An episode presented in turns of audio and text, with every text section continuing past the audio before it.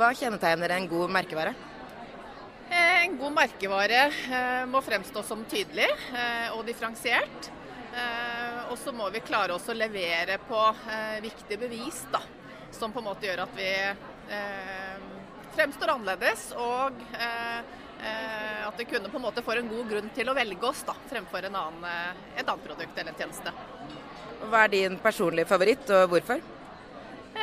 Ja, sikkert mange, men jeg er jo egentlig veldig glad i hotell.com-appen. Eh, for jeg syns de er veldig flinke til å bygge lojalitet. Eh, dra meg tilbake og bruke den, fordi at jeg får noe igjen for å være lojal der.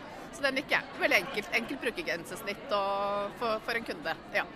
Eh, jeg syns jo det, korte svaret på det er jo at folk har lyst å handle den varen hele tida. Og så er det jo hvorfor har de lyst til det? Og da er det jo fordi at uh, merkevaren uh, forteller dem noe som de er interessert i å høre på og bruke tid på. Uh, og så det, det, tenker jeg er det sterkeste. Ta f.eks. Oatly.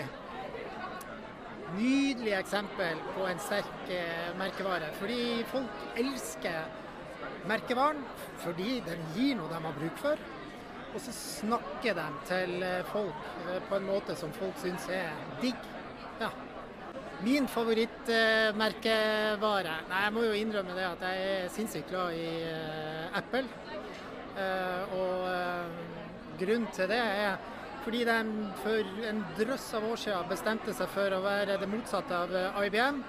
De skulle tilby vanlige folk skikkelig gode tech-produkter.